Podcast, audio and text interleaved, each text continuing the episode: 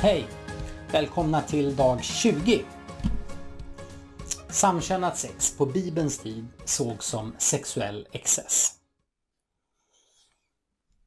I den antika kulturen så fanns det varken sociala eller samhälleliga strukturer som möjliggjorde samkönade äktenskap.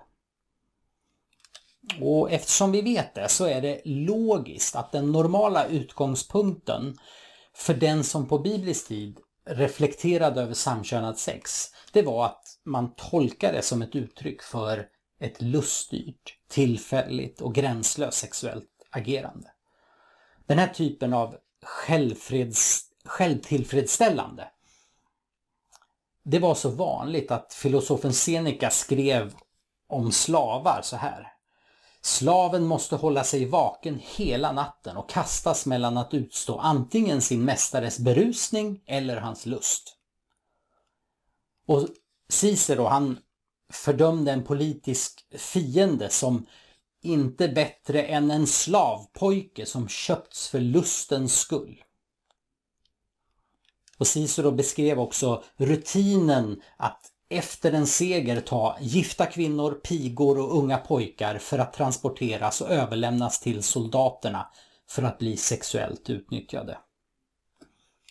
Så det faktum att samkönat sex vanligtvis enbart var ett utlopp för lustfull självtillfredsställelse, det fick många forntida moralister att se det som ett missbruk. Ett uttryck för en urspårad njutningslystnad. Platon skrev den njutning som män söker hos män och kvinnor hos kvinnor tycks vara mot naturen. Och järvheten hos de som främst ägnar sig åt den här praxisen verkar ha sprungit ur en oförmåga att kontrollera sin lust. Monsonius Rufus, en filosof från första århundradet, han skrev att de som hängav sig åt sex med personer av samma kön sökte denna sexuella excess på grund av sin arrogans och sitt gränslösa njutningssökande. Inte för att de hade en annan sexuell läggning.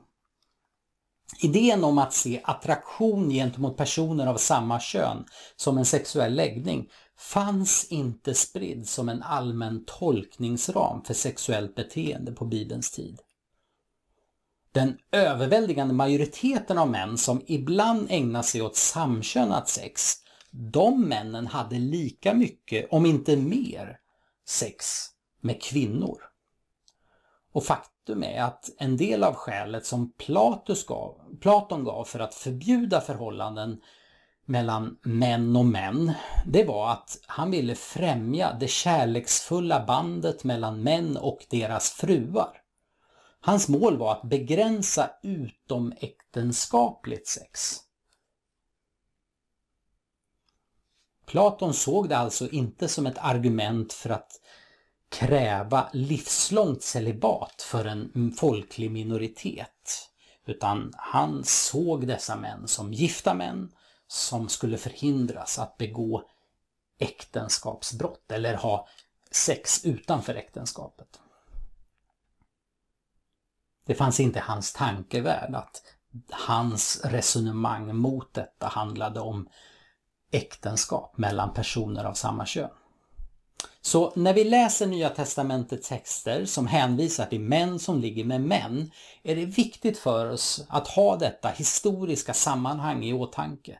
I den bibliska världen i allmänhet så såg samkönat sex som en luststyrd gränslöshet, inte som ett uttryck för en sexuell läggning. Tack för mig. Vi ses imorgon.